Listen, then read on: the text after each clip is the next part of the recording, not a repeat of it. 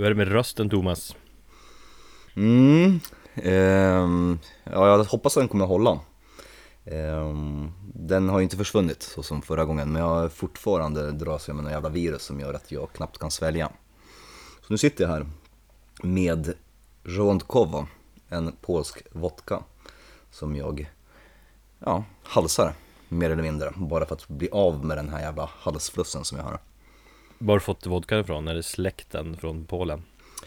Jag hittade den faktiskt i mitt eh, skafferi så att jag antar att den har stått där ett tag nu. Eller den följde ju med flytten så att den, men den stod i, i skafferiet på mitt, eh, i min gamla lägenhet också väldigt länge så jag tror den kommer någon gång från någon semester i Polen för tre fyra år sedan. Härligt ja, ja, men tappar rösten så får jag prata så får du hålla käft eller ma Ja, du tycker ju ändå att jag pratar för mycket så att jag kanske borde hålla käften. Jag tycker inte det, har jag sagt det? Jag brukar säga det ironiskt Ja, jo, jag vet. Ja Nej men vi kör då Det tycker jag.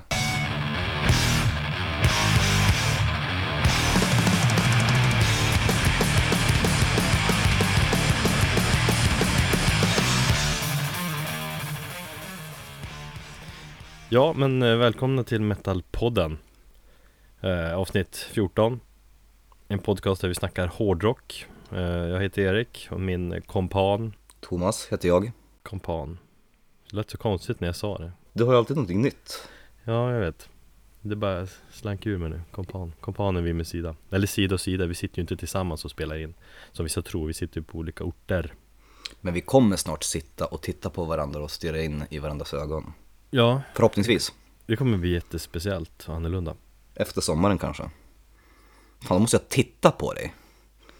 Ja, fan jobbigt Eller så blundar vi, vi får se hur det funkar Men just nu är vi väl kanske tre mil ifrån varandra Vad bygger du den eh, gissningen på? Tre mil? Ja men det är väl typ Från, från eh, centrum till Jakarna är väl två mil Och så här hit är det kanske en mil Gissningsvis tre mil spontant sådär Ja. ja. Det ska bli skönt att du kommer till mina hoods. Ja det ska bli eh, ett nytt kapitel i livet sådär Du, vi fick ju ett mail från Per-Ola häromdagen Som tyckte att vi borde lägga upp podden även på Soundcloud För han lyssnar på alla sina podcast via Soundcloud Vem fan använder Soundcloud? Jag vet inte, men det kanske är så att vissa gör det Men svaret är i alla fall nej Vi kommer inte att använda Soundcloud eh, Dels så kan vi faktiskt streama podden direkt på vår hemsida metalpodden.com.se menar jag Ja, Också. precis. Eh, och dels så tycker vi kanske att Soundcloud som sagt känns lite utdöende sådär. Alltså Soundcloud dras väl med rätt så mycket problem vad jag förstått och ja, jag har ett konto där men eh, Jag också, skitlänge sedan jag använde det. ja, eh, jag ja, visst, vissa artister lägger ut sin musik där och eh, vissa mm, bloggar och internettidningar lägger ut eh, liksom så här förhandslyssningar och plattor och då är det ju oftast via Soundcloud. mm. Men i övrigt så har jag väl kanske inte direkt känt att det är någon plattform för oss. Framförallt inte för podcasts, kanske någon som använder det men nej, jag vet inte Ja men dels, sista argumentet är ju för att det blir för joxigt och även lägga upp på Soundcloud när vi lägger upp liksom nya avsnitt Fuck that shit Precis, vi är ju rätt lata av oss. Nej, le- ledsen Per-Ola.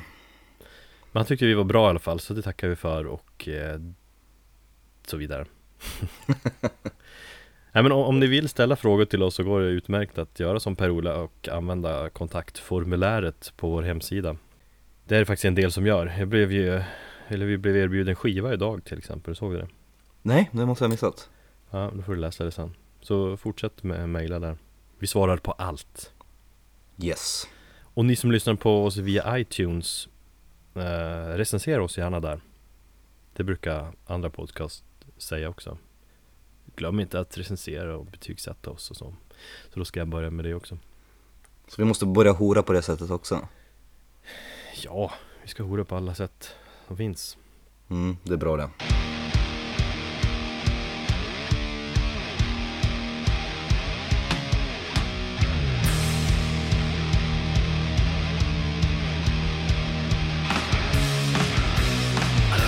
Crucified Barbara meddelade förra veckan att de lägger av Det är lite trist tycker jag Eh, ja, det kom lite plötsligt där va?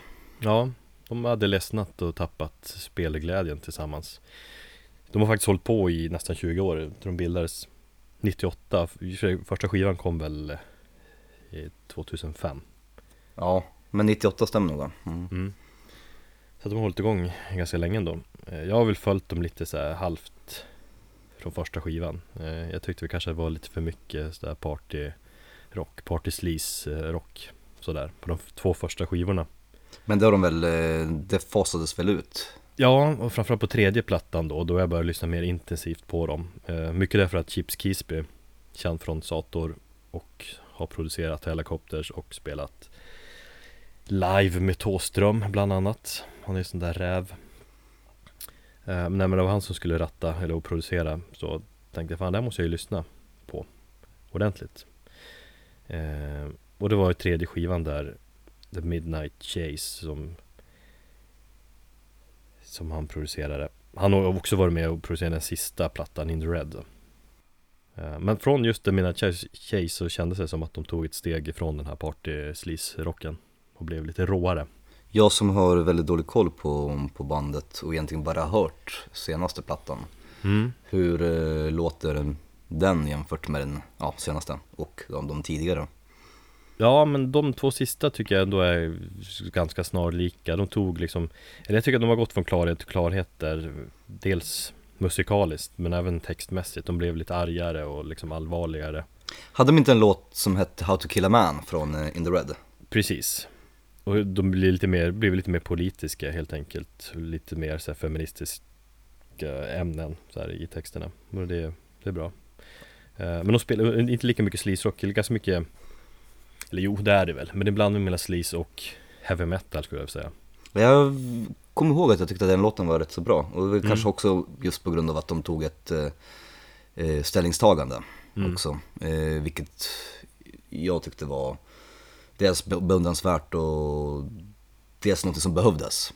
Absolut Och det gav musiken extra krydda. Men Mm. utöver det så, ja nej, då har jag faktiskt eh, väldigt dålig koll på bandet. Ja, men det är väl kanske inte din genre egentligen så här. Jag är ju svag i, i liksom smyg i den här sleaze-genren Du är ju en gammal slisare.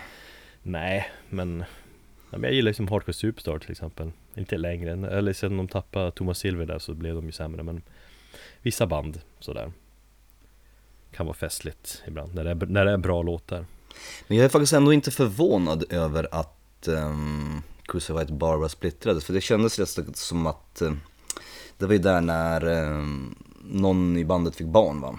mm. Det var lite mammaledighet så hade de väl någon stand-in och sånt där och sen så Jag följer ju mm, bandmedlemmarna individuellt på mm, Instagram Mm. Eh, Så jag brukar kolla Mia och Klara och, eller vad heter hon, eh, Nicky. Och Ida heter ju basisten som har fått barn. Just ja, precis.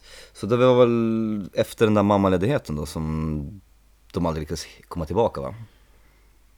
Jag vet inte om det beror på det, eller det, det, det känns, det är, ju, det är ju tråkigt om det, att det är det som skulle vara orsaken. Men de, har, de skrev ju att de hade liksom tappat eh, spelglädjen. De har varit ute och turnerat mycket och sådär så de, Det är ju kämpigt Ja, jo. tar mycket absolut. tid och sådär och hela den svängen.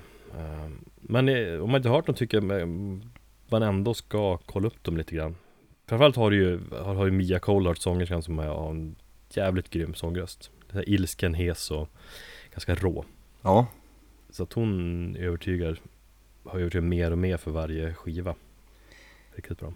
jag ville faktiskt lyssna på Crucified Barbara idag eh, i och med att eh, ja, du hade nämnt att vi skulle prata om dem i, Mm. i det här avsnittet men det hanns inte med Nej, får lyssna sen. av förklarliga skäl. Ja, jag får ta och göra det helt enkelt. Får lägga till dem på min att lyssna igenom-lista som bara växer. Mm, precis. Sen, eller största anledningen på något vis ändå, att, eller anledningen jag tycker det är trist att de lägger av, det är lite Känner jag att, jag, jag är övertygad om att det var ett väldigt viktigt band för många tjejer.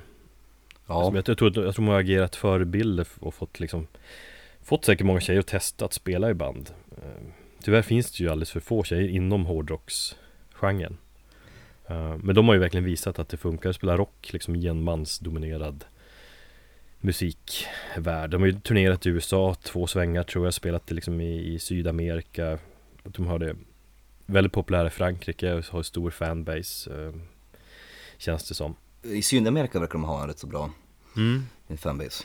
Och visst det finns ju inte så många liksom tjejband egentligen Som gör det bra Och som Som är duktiga Mindre kuk, mer snippa, mm. helt enkelt. ja, men jag läste på När nyheten kom där på, på, på, på, Blabbermouth tror jag Då var det i och för sig Majoriteten av kommentarerna var ju så här, Fan vad synd, de är ju svinbra eh, Men sen var det allt den där, kanske En tredjedel av kommentarerna var de här typiska sexistiska kommentarerna också Ja, men de, eh, Som alltid kommer de medföljer vare sig du vill eller inte. Ja, Det är liksom, ja, jag minns när, Black, när Blabbermouth var som värst och de, det var innan Facebook eh, och de, eller kom till och innan de krävde Facebook-inloggning. mm. Då var det ju jättemånga som tävlade i, eh, det är som att skriva så här first i kommentatorsfältet, bara för att de var först på att posta på en artikel. Och så fort det var en kvinnlig artist så skulle alla kommentarer handla om någonting om att de skulle kissa i, i tjejernas anus. Att pee in her butt var en, en väldigt vanlig kommentar. ja, Eh, de har väl stä- städat upp det mesta. Metasax har ju samma problem med eh, deras kommentatorsfält, att det bara är mest idioter. ja men Blabber är ju känt för att vara mycket idioter också Mycket amerikaner, Ja, man kommer inte undan de här eh, internettrollen helt enkelt. man gör inte det. Men eh, tråkigt som sagt att de lägger av när det känns som att de var verkligen Eller hade kommit så långt i sin musikaliska utveckling om man säger så. Eh, Men det ska väl bli lite intressant att se ändå vad bandmedlemmarna tar vägen nu. Om de försvinner ut i det gråa, tråkiga, anonyma livet Eller om de liksom hamnar i nya bandkonstellationer Det tror jag säkert. De verkar ju Mm. ändå, de är ju duktiga musiker som skulle säkert kunna hitta någonting annat. Absolut Och de verkar ju inte vara less på musiken utan mest på kanske bandet och, och vad det gav med sig. Ja, de kanske vill skriva annan typ av musik, vad vet jag eh, Vi lyssnar lite grann på låten Everything We Need som jag tycker är bra, jävligt bra vers Från vilken skiva? Från, måste jag efter, är det från senaste? Nej det är från förra, det är Midnight Chase där.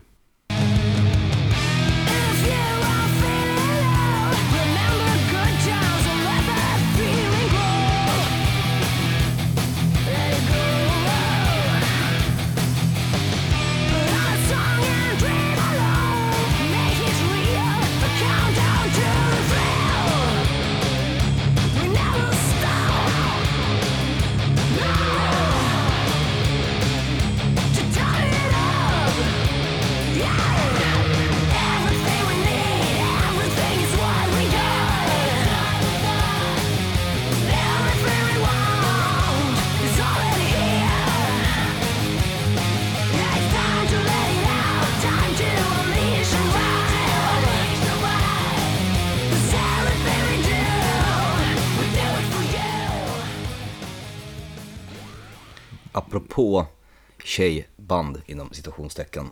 mm. Eh, jag gillar inte använda den termen. För man säger ju inte killband. Men eh, nej, jag bara kom spontant att eh, tänka på ett band som heter Castrator. Har du hört dem? eh, Nej, Rå feministisk eh, döds. coolt Eh, ja, döds-thrash är väl lite grann åt eh, creator-hållet kanske. Nu var det ett tag sedan jag lyssnade på den, men eh, eh, på deras, jag tror, jag vet inte ens om de har släppt en hel platta, de kanske bara släppt några demos eller en EP. Så det är ganska nytt band?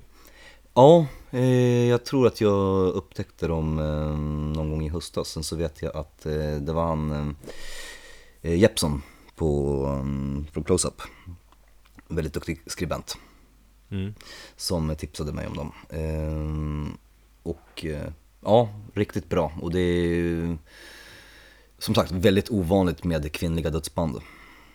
Ja, verkligen Så att eh, Castrator, kolla upp dem. Eh, jävligt hård och väldigt eh, brutal döds om att skära snoppar av män.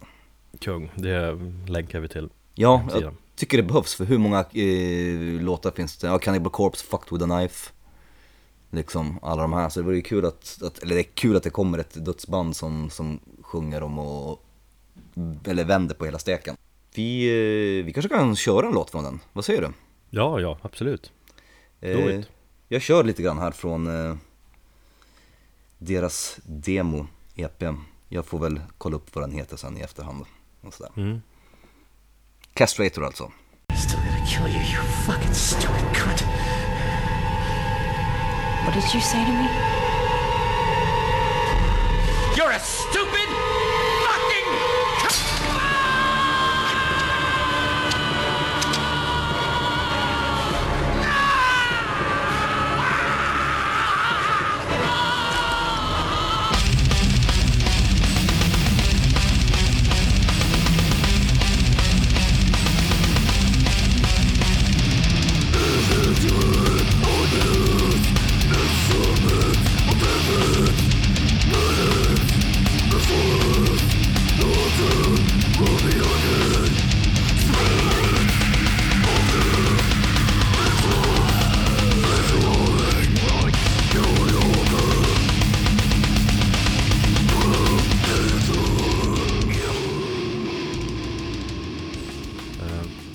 Tänkte ge ett musiktips idag. Som inte är en ny skiva, det är alltså ingen sån här eh, Ingen så kallad bäst just nu alltså.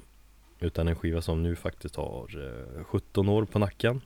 Släpptes 1999 En skiva som är en av de mest betydelsefulla skivorna för mig genom tiderna. Så det kommer bli lite svårt och, och lite nördigt och kanske lite känslosamt det här men Jag ska göra ett försök. Men det är ju bra när det blir så. Öppna din själ för lyssnarna. Öppna ditt hjärta för Jag ska mig. försöka. Jag ska göra mitt bästa. Bandet är Nine Inch Nails. Som jag kan ingenting om. Inget alls. Förutom att jag vet att han heter Trent Reznor som sjunger. Ja. Nej, men jag har aldrig varit en fan av eh, Nine Inch Nails. Eh, Så att, eh, nej, du får jättegärna educate me, helt enkelt. Mm, nej men det är väl kanske inte konstigt i att det är ju lite en sån här crossover-genre egentligen. Synt, rock, industri, rock, metal. Det är ju någonstans i gränslandet mellan elektronisk musik och rockmusik. Jag har i och för sig sett Nine Inch Nails eh, på Roskilde 2009. Eh, har jag för mig att det var. Mm. Det var Eh, typ sista svängen innan han Innan la av ja, ja precis. Sen Eh, finns de ju igen nu. Jag minns att den, det, var den sista spelningen där på lördagen, eller om det var nu på söndagen, minns jag inte. Men, eh, och du vet, de här, den började klockan 12 eller 1 på, på natten. Jag var full som ett svin och så hade den någon eh, delat med sig av en joint. Så jag stod och var jättehög och jättefull längst fram vid scenen och sen bara började jag spy Oj. mitt bland alla stro. Det var en jävligt cool eh, liveshow hade de, liksom ljus, Jo, ja, de ljussättning är, och det är allting. exceptionellt bra och häftigt liveband Han brukar ligga i täten Folk som inte vet det, Nine Nails är ju liksom Trent Reznor En person som är den enda riktiga medlemmen. Sen har han ju live-snubbar då Som han har bytt ut lite genom åren och tagit tillbaka folk och så. Men just live så all, Alla pengar han tjänar egentligen brukar lägga på liveshowen Lägga på, liksom på det, det senaste inom Ja med ljus och allt det där. Så det brukar vara väldigt coolt att se. Oftast när man ser Nine Nails så känner man Fan det här, det här har jag aldrig sett förut. Det, Men, var jäv, eh, det var jävligt bra, men eh, jag mådde som ett svin under, eh, under den spelningen. För det så fick jag, jag är jätteljuskänslig så jag, jag klarar inte av eh, alldeles för, som typ under Cult of Luna nu senast när de spelade på Cirkus. Jag Det var mycket stroboskop och grejer ja, jag, jag pallar inte det. Jag, det är ju samma sak på TV, jag pallar inte att se alla nya filmer eller gå på bio och se eh, Transformers för det blänker för mycket. Jag sitter ju och får epile- epilepsianfall. Och det var ungefär så jag hade under eh, den spelningen. Och sen bara spydde jag hela natten igenom. Vilken, Kul. här, vilken härlig festivalanekdot Full, hög och uh, illamående Ja, och titta på Nine Inch Nails. mm. Bra, men eh, som sagt Vi går tillbaka Bandet Nine Inch Nails Skivan jag ska prata om är The Fragile som släpptes då 1999 eh, Och eh, det var faktiskt en skiva jag upptäckte bandet på eh, med allvar och blev så här superfrälst Jag kände ju till bandet förut Eh, Plattan innan och Downward Spiral släpptes ju eh, 94 eh, Men då var jag inte liksom mottaglig för den musiken Då var jag ju som helt nedkörd i Metallica och Pantera-träsket och en hel del svensk punk också Okej. Du vet de här Dia Salma och Lyckliga kompisarna och, och Rövsvett, alla de där. Jajamän. Eh, Så det var ganska lång tid mellan de två skivorna, de två studioalbumen, 94 och 99. Mm. Sett på den tiden när han slag, slagit igenom. Men han gjorde ju så mycket mer under de fem åren som det tog eh, att skriva The Fragile. Han gjorde ju, eller producerade soundtracket till David Lynch eh, The Lost Highway, mästerlig film för övrigt. Har du sett den? Nej, det har jag faktiskt inte. Eller jag har sett delar av den, tror jag. Mm. Se den för fan. Ja, jag brukar faktiskt eh, kolla upp saker som när du, eh, när du säger det. Ja, David Lynch är ju kanske min favoritregissör också. Så att jag håller ju hans filmer lite heliga sådär. Mm. Men den och man håller en drive som är hans mästerverk, de ska man se. Den har du sett. Den har jag sett. Och den gillar du. Det enda jag minns är, ja, en lesbisk scen Mm. på ett Han, har hotellrum. han har alltid med väldigt vackra kvinnor i hans filmer. Ja, såklart. Men inte det som gör dem, dem bra. det är väl en del, liten del av det. Ja, men sen eh, förutom Lost Highway soundtracket så producerade han ju också Natural Born Killers soundtracket. Och så gjorde han musiken till eh, spelet Quake. Åh fan! Faktiskt, faktiskt helt briljant eh, spelmusik. Jag måste fan länka till introlåten där. Den är så sjukt mycket industri och liksom ondska och skrik. Quake älskade jag ju. Ja, då har du spelat, då har du ju hört hans liksom, musik. Ja. Och du kanske också kommer ihåg att man kunde få ammo med eh, Nin Line Snails-loggan på en igen. Så man, när man skjuter spikar. Eh, nej, det minns jag inte. Ja, men det kunde man. Um, sen producerar han också Marilyn Mansons eh, bästa platta Antichrist Superstar. Han har skrivit ganska många låtar på den också. Så att han är ganska stor del av Marilyn Manson har blivit, eller blev så stor där. Så där, man läser något nytt varje dag. Mm. Det Så det var de, de åren däremellan. Eh, och så knarkar han jävligt mycket.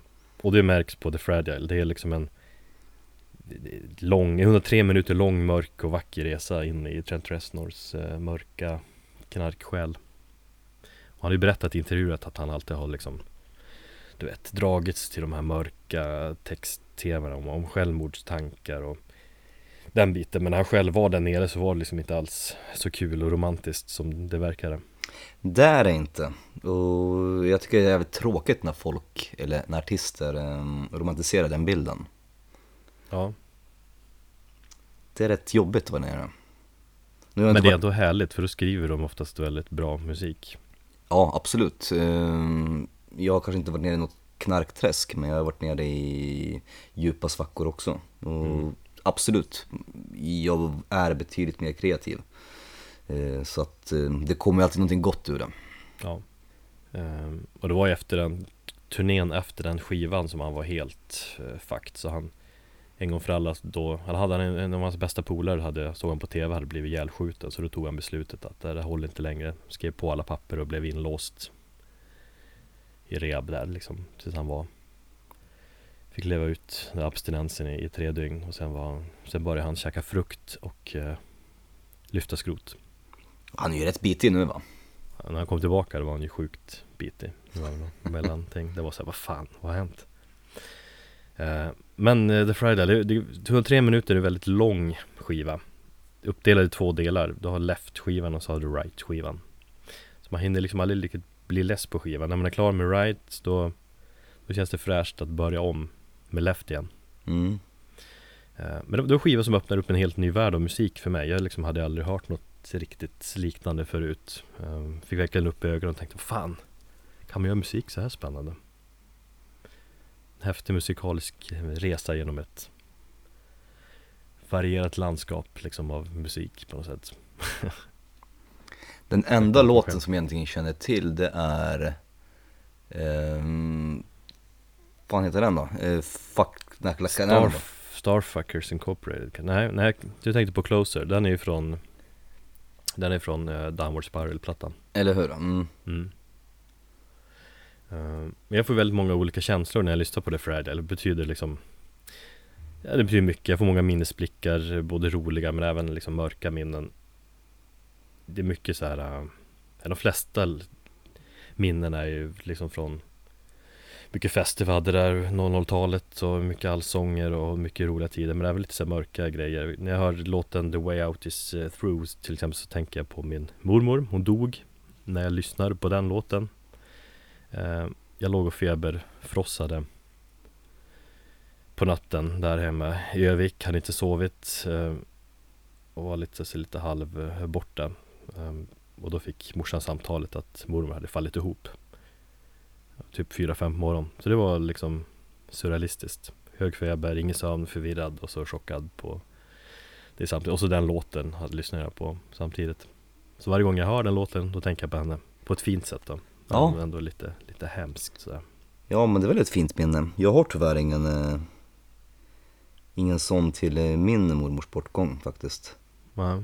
Eh, hon gick ju bort sex år sedan. När jag fick samtalet så hade jag precis blivit dumpad och fått sparken från mitt jobb. Efter att jag trashat ett hotellrum, som vi har varit inne på tidigare. Mm. Och sen så fick jag att ja, mormor ligger på dödsbädden, det är inte, det är inte långt kvar. Ungefär så här från mamma då. Ehm, och då gick jag ut och jobbade på Söder.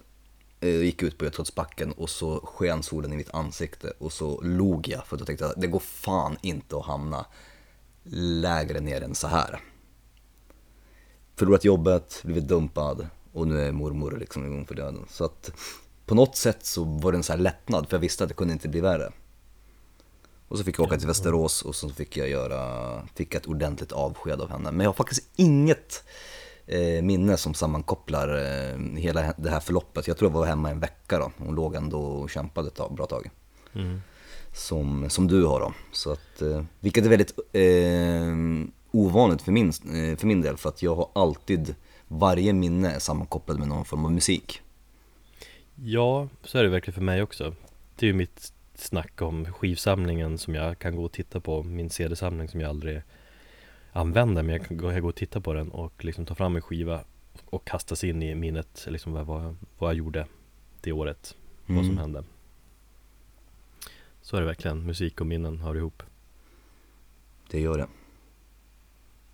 Det gör det verkligen eh, Sen var det på, just då där med Fradel det var liksom då jag verkligen började på något vis läsa eller ta till mig textrader på ett annat sätt. Så just Trent Reznors texter som är ganska så enkla ändå, men det var, var ju så många textrader där som på något vis nådde min själ på den tiden. Han inleder liksom första spåret med Too fucked up to care anymore, sjunger han. Eh, och andra textrader spontant är liksom Now you know what it feels like. I won't let you fall apart. There is no place I can go. There is no way I can hide. Um, All I do I can still feel you. All I do I can still feel you. Typ så. Men det var ju så vackert och det var liksom gripande för mig.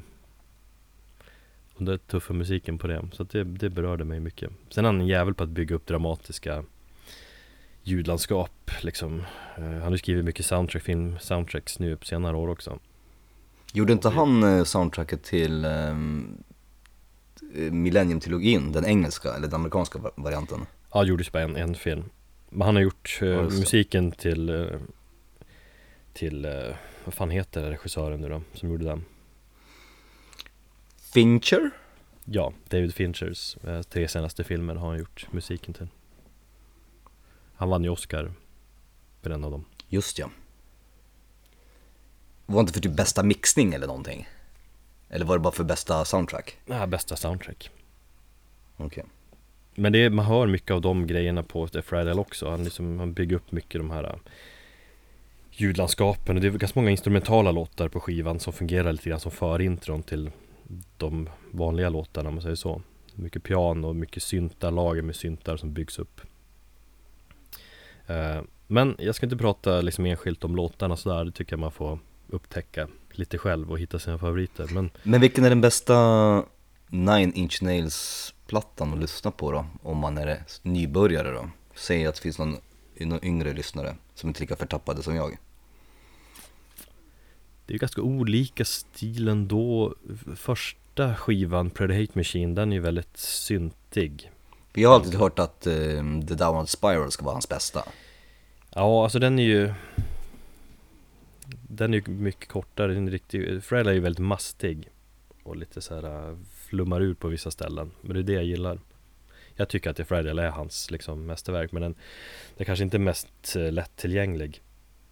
Så kanske Eller egentligen With Teeth, man släppte 2005 när han kom tillbaka och käkade frukt och lyfte skrot Den är ganska lättillgänglig så Då spelar Dave Grohl trummor på några låtar Men släppte inte han någonting nyligen också? Två, Jo. tre år sedan? Mm. Och han ska släppa nytt i år, han skrivit, skrev han en tweet om Tidigare år Åh fan. Men eh, förra plattan, vad heter den då? Den måste väl ha kommit för typ, var det förra året eller förra, förra året? För, förra Eller för, för Kanske två Ja Två år sedan ehm, Fan eh, Vad heter det nu? Jo, Hesitation Marks Just ja. Den är väl också relativt lättillgänglig. Den har jag faktiskt eh, hört lite grann. Eh, Ja. Min sambo, eh, hon gillar den. Ja, jag gillar den så fan också. Det jag hade hoppats på att det skulle vara lite mer gitarrer, fast han har ju lyssnat på gitarrer mycket. De här tunga industrigitarrerna som är verkligen framträdande på, på The Downward Spiral, de finns ju inte på samma sätt längre, utan han är ju mer, det är mer elektroniska grejerna han, han går igång på. Ja men den, den funkar också, men kanske With Teeth, alltså som, som nybörjare sådär. Eh, eller i- direkt in på The Fragile för fan. Börja med det tyngsta bästa. först. Mm. Jag kommer ihåg, jag, jag hörde singeln We're in this together på Superrock tror jag det var, på, som gick på MTV. Som vi kanske har berört tidigare, det programmet. Har vi det? Eh, eller så har vi inte det. Jag och en polare brukar spela in det varje, gick varje söndag natt typ. Och så såg vi det efter skolan dagen efter. Och då var den låten med. Och då kände jag, fan det här är ju riktigt, riktigt bra. Men vad var Superrock jämfört med Headbangers Ball? Det var väl lite, lite fortsättning på det, fast Headbangers Ball var ju mer intervjuer och grejer Superrock var, det var bara musikvideos Och så var det typ någon programledare, bland någon flummig tjej som bara typ Låg och åmade sig typ och sa roliga citat och så kommer nästa låt Men de körde ju mycket ofta det senaste, så det var typ så man fick upp i ögonen för liksom Liksom det som var inne just då kanske Eller just nu Mm. så det var den låten, så minns jag att jag var på en halloweenfest där 99 och träffade P.O. Hedin som jobbade på Östmans musik som tipsade mig om The Fragile Okej. Så så var det Men vi- vi ska köra lite från We're in this together som är Som jag tycker är bästa låten på skivan faktiskt Det är min tolkning av den är den ultimata kärlekslåten på något sätt Du vet när kärleken står över allt annat och inget kan stoppa den sådär Men till slut så falnar den och du dör och ingenting betyder någonting. Nej, det kommer inte riktigt dit. Det är bara det är jävligt mäktig fin refräng. Så vi lyssnar på We're in this together från skivan The Fragile med Nine Nails som är en av världens bästa skivor genom tiderna. Oj oj oj. Yeah!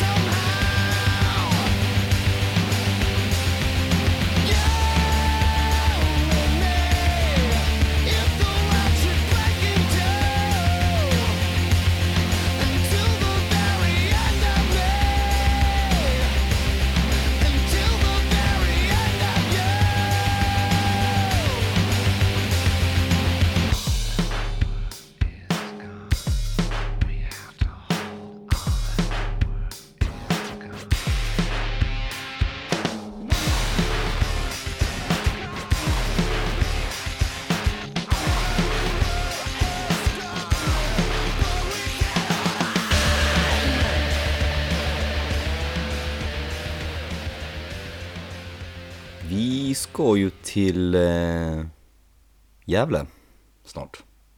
Mm. Det är väl Det är kul? kul. Det är skitkul. Gefle Metal Festival. Jag, an- Fiffle. jag antar att de bara tagit efter fanan från Getaway Rock, eller hur? Jag tror det kommer kännas väldigt mycket Getaway Rock. Mm. Fast det är en scen mindre tror jag. Och så är det inte tre dagar, det är två dagar. Det är ju lite synd. Man hinner aldrig riktigt komma in i den här festivalkänslan är två dagar. Tre dagar är det som så härligt man första kvällen, torsdagen blir man oftast ganska full och så vaknar man ut dagen efter bara fan, du ska hålla på så här två dagar till. Jag tycker gå all in fan. Ja, ja.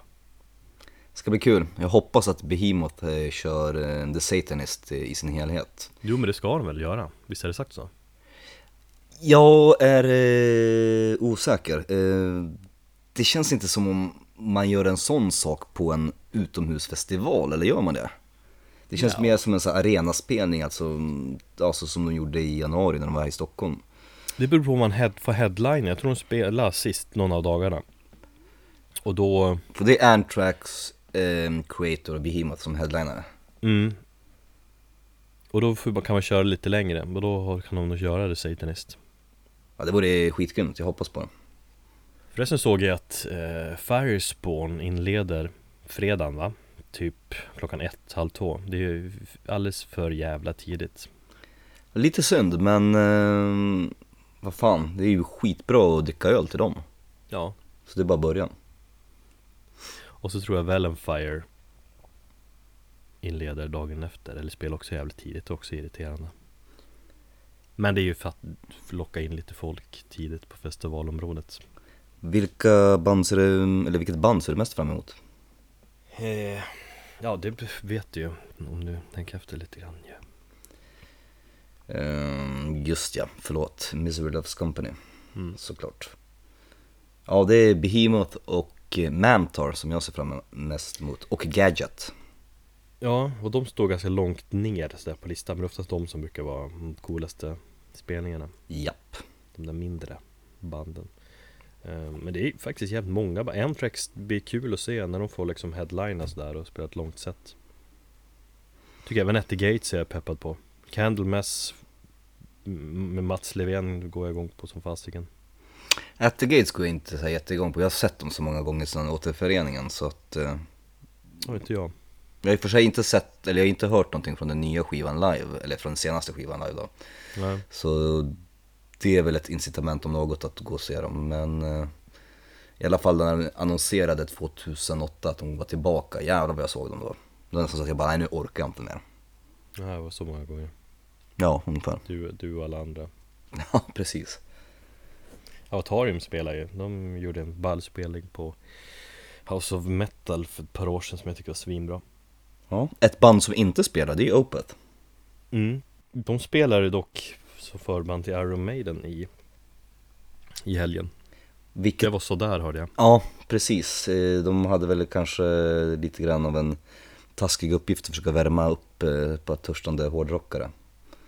Ja, dels brukar det alltid vara suget band, eller suget sound sådär för, för banden på sådana här stora arenor. Och sen, sen är ju Opeth för svårt band för så Iron Maiden. Precis, det var det jag tänkte. Nej, det var lite fel, eh, lite fel eh, eh, förband, jag vet inte hur de tänkte till där. Och att bandet inte själva sa ifrån. Nej, men samtidigt är det ju coolt. Micke Åkerfeldt får skriva upp det på sitt CV och vara förband till Maiden liksom. Sant. Men du, de ska ju släppa nytt i år. Mm, i höst. Mm. Eh, Hade vi något datum på nya plattan? Eller stod det bara höst? Det vet jag inte. Någonstans i bakhuvudet så säger månaden augusti-september, men jag kan ha fel också. Det är så mycket som kommer i augusti-september så att jag kan ha förväxlat med någonting annat. I vilket fall, eh, Sorceress heter skivan. Ja, bra namn. Eh, Ja, det tycker jag också.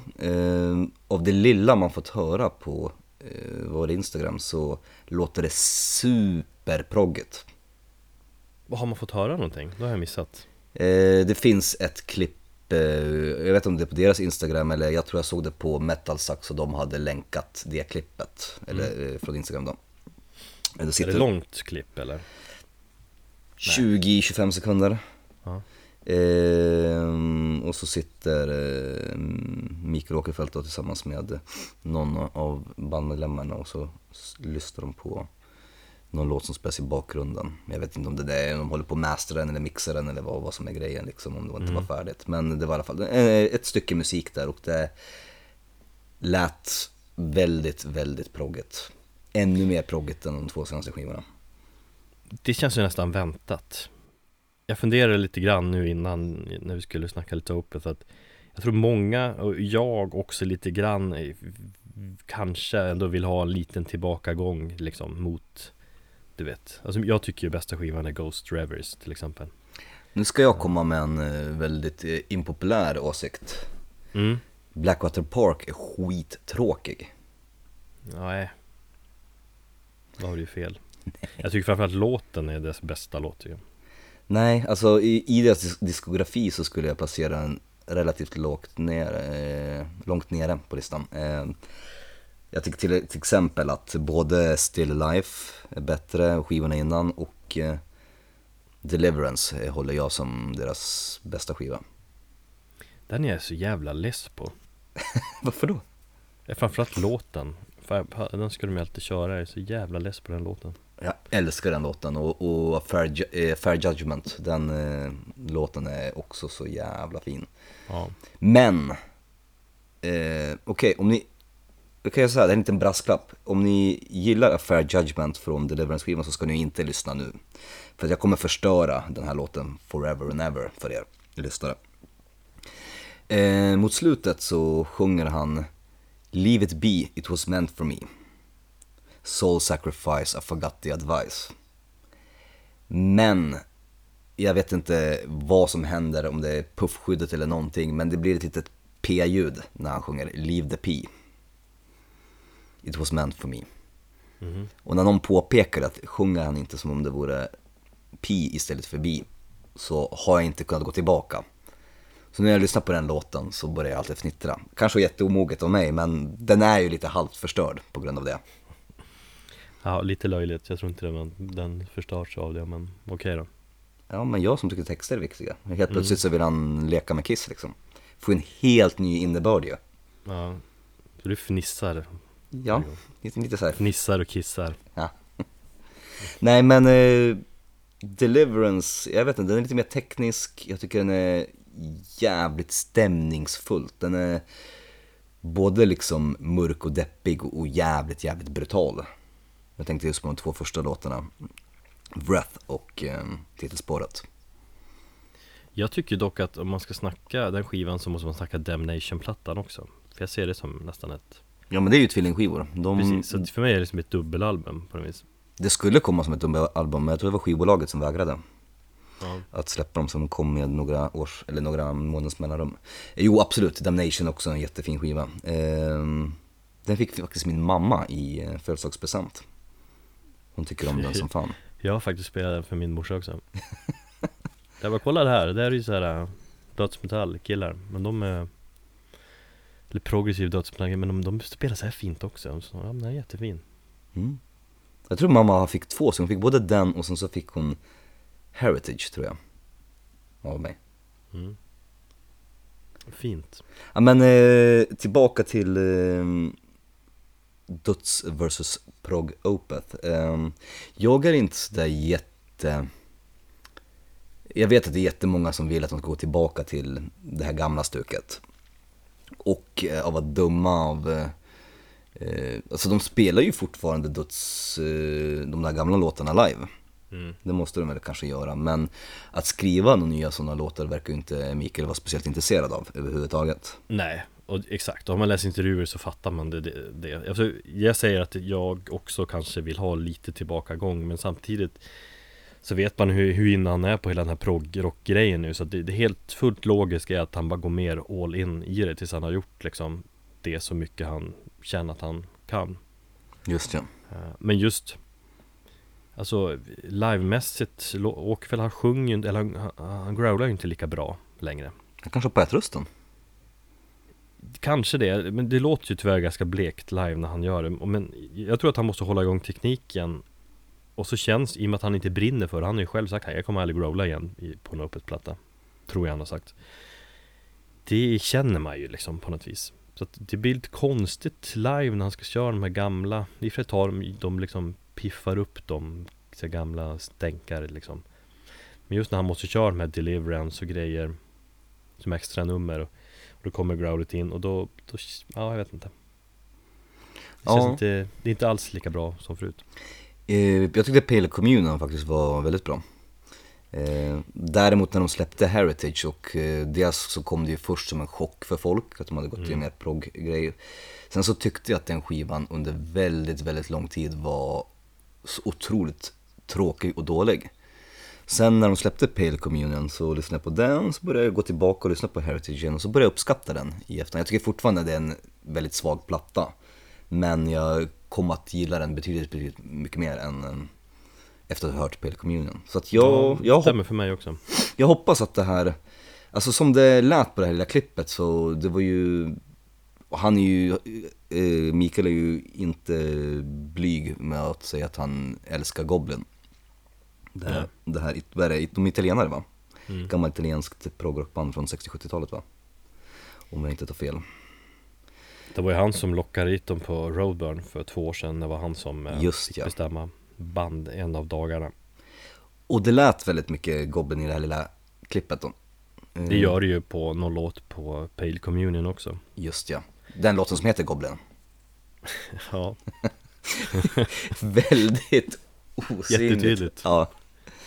Eh, men nej men Sorceress, jag ser faktiskt fram emot den och om han liksom, det blir ju tredje progrockplattan och då kanske han har liksom fått till sin, eh, sin liksom touch på det hela. För att jag menar, han har gjort hela dödsgrejen, han har talangen, han har eh, allting men ja, han vill väl kanske testa nya, nya jaktmarker så att säga. Så det var därför han hoppade på det här och sen så var det kanske lite små trevande steg. Så att nu med tredje plattan tror jag säkert det kan, i och med att andra plattan var bra så tror jag säkert det här kan bli ännu bättre. Att man blir lite varm i kläderna.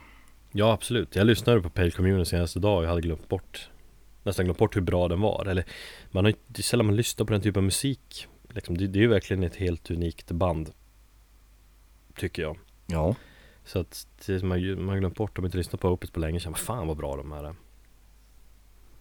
Fan, nu blev jag också lite peppad på, på Opeth. Kanske ska lyssna Ja. på det efter den här podden.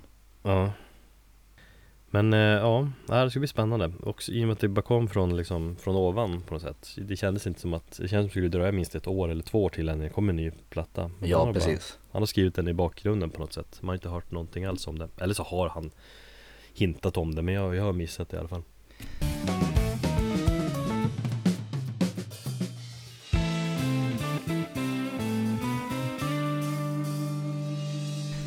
Och med den här plattan så har de ju även skrivit sig, eller som skrivit på eh, för Nuclear Blast. mm. Och det är ju jätte, jättemånga band som har gjort det eh, nu på sistone. De hårdsatsar helt enkelt Ja, eh, In Flames har ju gått tillbaka nu till Nuclear Blast. De har fått Opeth, de har ju Machine Head, de har ju Slayer, ja, de har en hel drös med band. Eh, och de håller på att teckna för fullt. Och då har det ju, jag har inte hittat något belägg för det här när jag har eh, kollat på det. Men det ryktas ju om att eh, det kan vara så att bolaget är på väg att köpas upp. För att oftast så gör eh, skivbolag såna här jättestora satsningar för att få upp eh, värdet på, på själva mm, skivbolaget. Inför en, ev- eventuellt, eh, inför ett uppköp. Eh, Men som sagt, det är bara små rykten i kommentatorsfält. Det var samma grej med, med Century Media, för de rekryterade ju som fan också när de blev uppköpta av Sony tror jag det var. Så nu ligger de där som ett dotterbolag till Sony. Ehm, Så det är ju intressant för att eh, helt plötsligt så bara från ingenstans så får, jag en massa så här pressmeddelanden. Bara, "Ja, men Inflames är tillbaka på Nuclear Blast, Opeth, där, där, där, de här har förlängt kontraktet, de här har signat. Så man bara, helvete vad de håller på. Men du skickar ju mig listan på deras band eh, Som de har i sitt stall Det som slår en är ju att Och, och liksom de band du nämner också att det är, ju- det är gamla rävar Det, det är inte band som är Framtiden inom metal direkt Nej, det är sant. Man går ju liksom inte kanske igång på Jättemycket på att höra liksom Liksom Machine Head och Slayer och det var Sepultura Men det är ändå stora band, men okej, nej. Det är... Fear Factory är ju ganska Biohazard Ett av mina favoritband, eh, Fear. Accept Ja, Accept. Och så In Flames, jag menar vad fan Ja. ja. Nej, som sagt, det är ju inte, det är ju inte någon, någon purunga mm, snubbar med V-ringade t-shirtar, halstatueringar och eh, öronlober stora som bildäck. Nej. Och det är jag fan mig glad för ändå. Ja, jag också. Den, den, den stilen eller den, känns Det känns lite ute. Jag tänker på, på Mats, sångaren från Trivium, vad heter han? Heafy, Matt Heafy heter han va? Ja. Han är typ som, känns som han står i täten för hela den Den genren på något vis, eller den stilen Fast jag tycker inte det. Han är, jag tycker han är lite så, inte för att jag gillar Trivium och han, nu när de har gått och börjat göra några halvballader och, och bara sjunga rent, han har ju alltid velat sjunga rent. Det har han ju sagt från typ skiva två eller tre, för att han kunde inte sjunga rent så det var därför han skrek eller growlade. Men han är, jag tycker ändå rätt så talangfull. Han har ju ett eh, black metal-projekt eh, ihop med eh, Issan.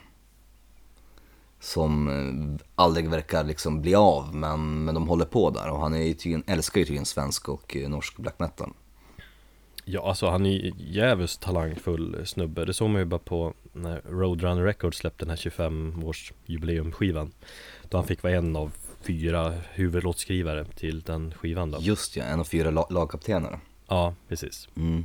Och det var ju en dokumentär som släpptes samma veva Eller släpptes väl ihop med skivan och så Alltså han är ju jätte Jätteduktig musikaliskt men det känns som alltså Ja Skivmässigt, jag lyssnade lite grann i början på Trivium Sen har jag liksom När de släpper nytt brukar jag lyssna på hur de låter då Men det känns ju aldrig, det är aldrig något som liksom Tilltalar Det är Nej. som låter metal, ja, men det är, det är aldrig liksom det är aldrig, De har aldrig gjort de här låtarna som står ut på något sätt För mig Fast för, för de som är Jag vet inte, 10, 15, 20 år yngre än mig så är de säkert skitbra Så är det ju Jajamän. Vi är helt enkelt gamla. Eller vi börjar bli gamla, vi börjar till åren. mm. Och det är ju nästan läggdags nu. Ja det är det fan Godnatt och sov gott och på återhörande nästa vecka igen. Yes Hej! Hej